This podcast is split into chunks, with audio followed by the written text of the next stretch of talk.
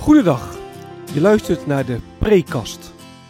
Een podcast over de preek die ik afgelopen zondag gehouden heb in de Maranatenkerk in Bunschoten, Spakenburg. Fijn dat je luistert. Mijn naam is Gertjan van Harten.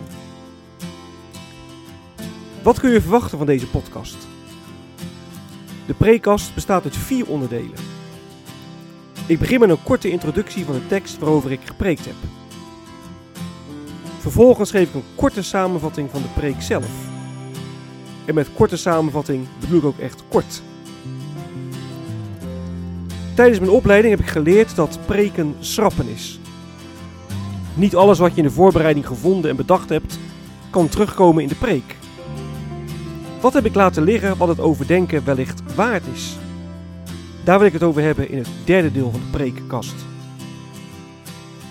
En tenslotte sluit de preekkast af met een aantal verwerkingsvragen. Vragen die je kunnen helpen om de preek te overdenken en of toe te passen. Ik wens je veel luisterplezier.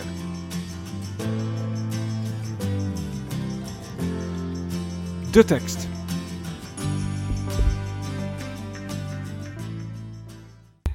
We hebben Genesis 25, vers 1 tot en met 11 gelezen. En er staat boven in de nieuwe Bijbelvertaling Abrahams levenseinde. Eerst wordt er beschreven dat Abraham een, eh, een andere vrouw trouwde, Ketura. Dat hij een aantal kinderen bij haar kreeg. Dan staat er beschreven dat Abraham alles wat hij bezat aan Isaac gaf. En dat hij de zonen van zijn bijvrouwen met geschenken wegstuurde. Dat Abraham 175, 175 jaar oud werd. En dat hij toen stierf en begraven werd door zijn zonen Isaac en Ismaël. En dan zegt de tekst, vers 11, waar de preek over ging. Na Abrahams dood zegende God Isaac, zijn zoon, die bij de bron Lagai Roi ging wonen. De preek.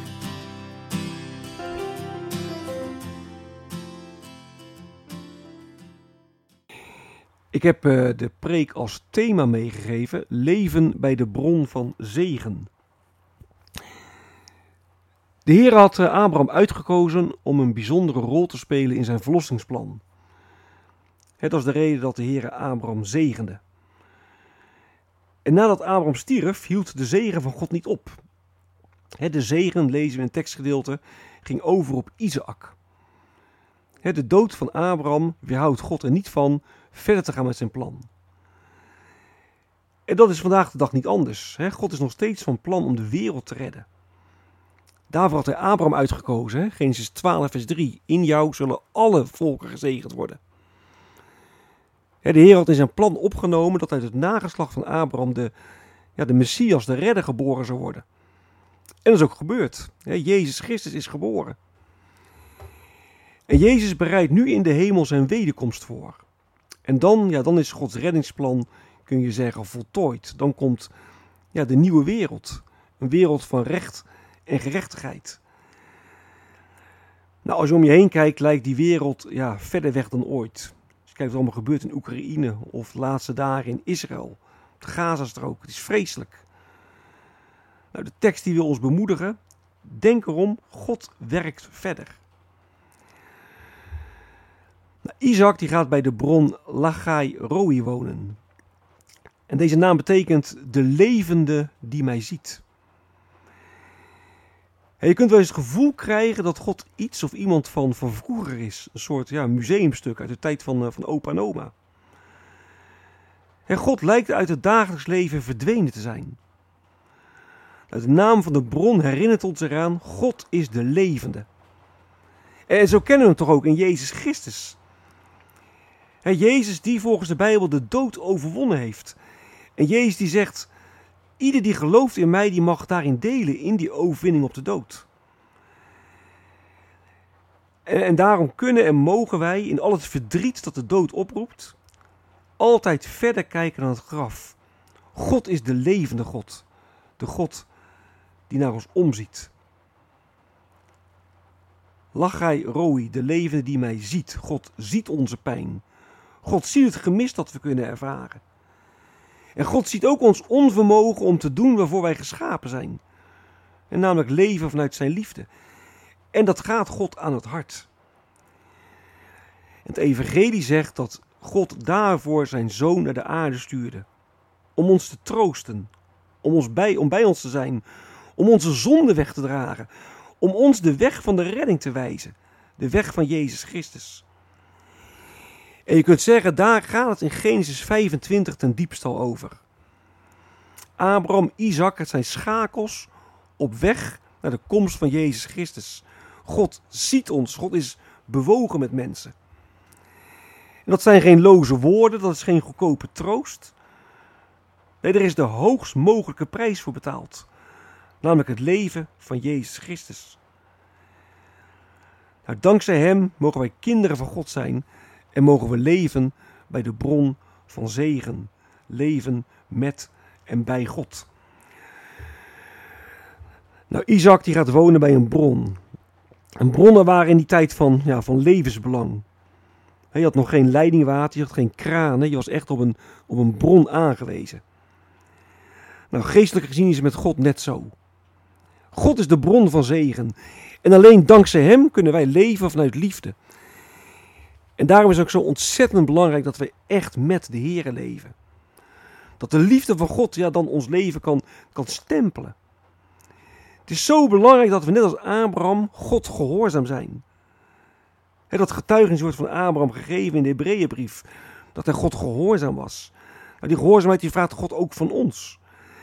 En dat vraagt zelfverloochening.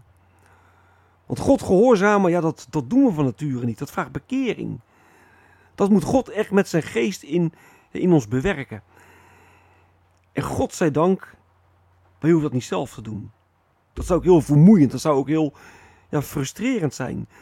Maar God zegt, ik wil het jullie geven, jullie mogen putten. Putten uit mijn bron. Nou, in een wereld waarin de dood heerst, mogen wij als kinderen van God leven bij de bron van zegen.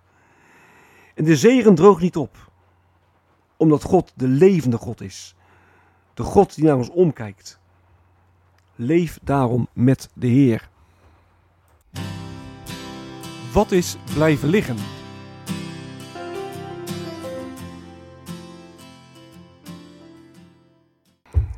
In eh, vers 1 staat dat Abraham een andere vrouw nam, Ketura. En de vraag is even, wanneer uh, huwde hij met haar? Was dat nadat Sarah overleden was? Of trouwde hij nog uh, tijdens het leven van Sarah met Ketura? Dat is niet helemaal helder. Het is overigens wel heel uh, ja, bijzonder dat Ketura hier de vrouw van Abraham genoemd wordt. Want in 1 Kronieken 1 vers 32 wordt ze zijn bijvrouw genoemd. Dus ook dat niet helemaal duidelijk was, nou zijn vrouw of zijn, zijn bijvrouw. Nu hebben wij het vaak over uh, bijbelse huwelijken. Wat zegt de Bijbel over het huwelijk? Maar je ziet dat in de Bijbel dus altijd wel aangesloten wordt bij wat in die tijd normaal was. Abraham die had bijvoorbeeld meerdere bijvrouwen. In vers 6 wordt er over meervoud gesproken, bijvrouwen. En dat was in die tijd uh, heel normaal. Terwijl, ja, je kunt ook wel zeggen dat het niet zoals God het bedoeld had naar de wereld schiep. En volgens uh, Genesis 20, vers 3 en vers 12, was Sarah een, een halfzus van Abraham. Abraham was dus met zijn halfzus getrouwd. En dat was in Mesopotamië niet ongebruikelijk, er kwam veel meer voor. Maar later wordt het door de heren echt heel nadrukkelijk verboden. In Leviticus 20, vers 17 wordt het echt een, een schande genoemd. En toch wordt Abraham, ook al leefde hij kennelijk toch in schande, eh, in de Bijbel nergens veroordeeld vanwege het feit dat hij getrouwd was met zijn halfzus. En ja, dit lijkt misschien niet zo belangrijk, maar ik denk dat het wel degelijk belangrijk is, want het laat zien dat God ook rekening houdt met tijd, met cultuur, met wat gewoon is in een bepaalde tijd. de Bijbel is nooit tijdloos. God gebruikt lokale, culturele gebruiken ja, die haaks kunnen staan op zijn wil. En hij gebruikt dat ja, voor de komst van de Messias. Overigens is volgens een aantal uh, Joodse wijze Ketura dezelfde vrouw als Hagar. Maar ja, dat lijkt eigenlijk zeer onwaarschijnlijk. Hè? De Bijbel geeft geen grond om dat uh, te geloven.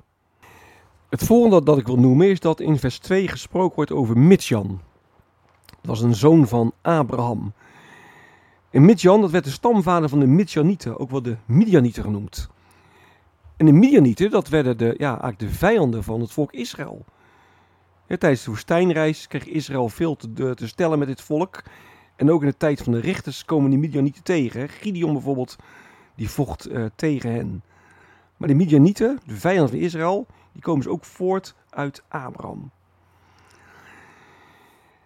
In vers 9 lezen we dat Ismaël bij de begrafenis van Abraham aanwezig was. Samen met zijn broer Isaac begroef hij Abraham.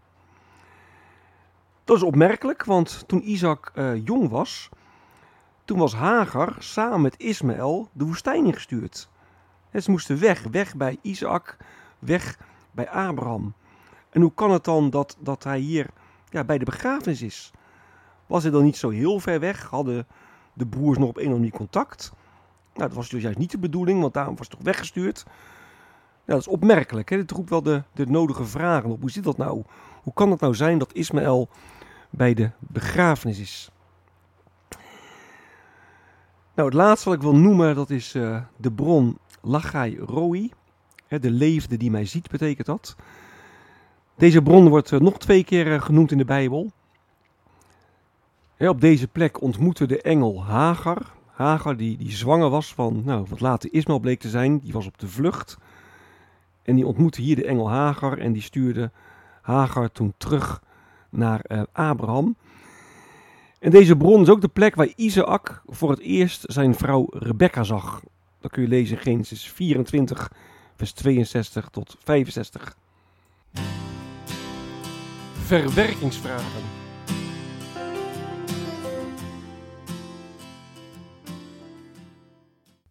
Het uh, thema van de preek was leven bij de bron van zegen. En de eerste vraag die ik wil stellen is: leef je daadwerkelijk bij en uit de bron van zegen? En kun je er ook voorbeelden van aanwijzen in je eigen leven? Dus leef je daadwerkelijk bij en uit de bron van zegen en nou, kun je het ook aanwijzen. De tweede vraag is: in hoeverre kun je vanuit het geloof verder kijken dan het graf? Ik heb in de preek gezegd: de, de zegen droogt niet op, de bron droogt niet op. God gaat eh, verder met zijn plan dwars door de dood heen. Nou, in hoeverre kun jij, als je bij een graf staat, in hoeverre kun jij in je verdriet om mensen die je mist, uh, verder kijken dan, uh, dan het graf? De naam van de bron betekent de levende die mij ziet. En de vragen die ik daaraan gekoppeld heb is: in hoeverre ervaar je het dat God echt de levende God is? Dus in hoeverre ervaar je dat God de levende God is? En de tweede vraag is: in hoeverre ervaar je dat God echt naar ons omziet? En God ziet, maar ervaar je het ook dat God echt nou, jou in je, in je leven ook ziet? Dat hij je pijn ziet, dat hij je worsteling ziet, dat hij je leven ziet en ook echt naar je omziet. In hoeverre ervaar je dat? Dit is het einde van de prekast. Mocht je vragen of opmerkingen hebben, dan kun je me mailen op mailadres van hartengretjan.gmail.com van hartengretjan.gmail.com Ik wens je nog een hele prettige dag. Hartelijk dank voor het luisteren. En wie weet tot een volgende keer.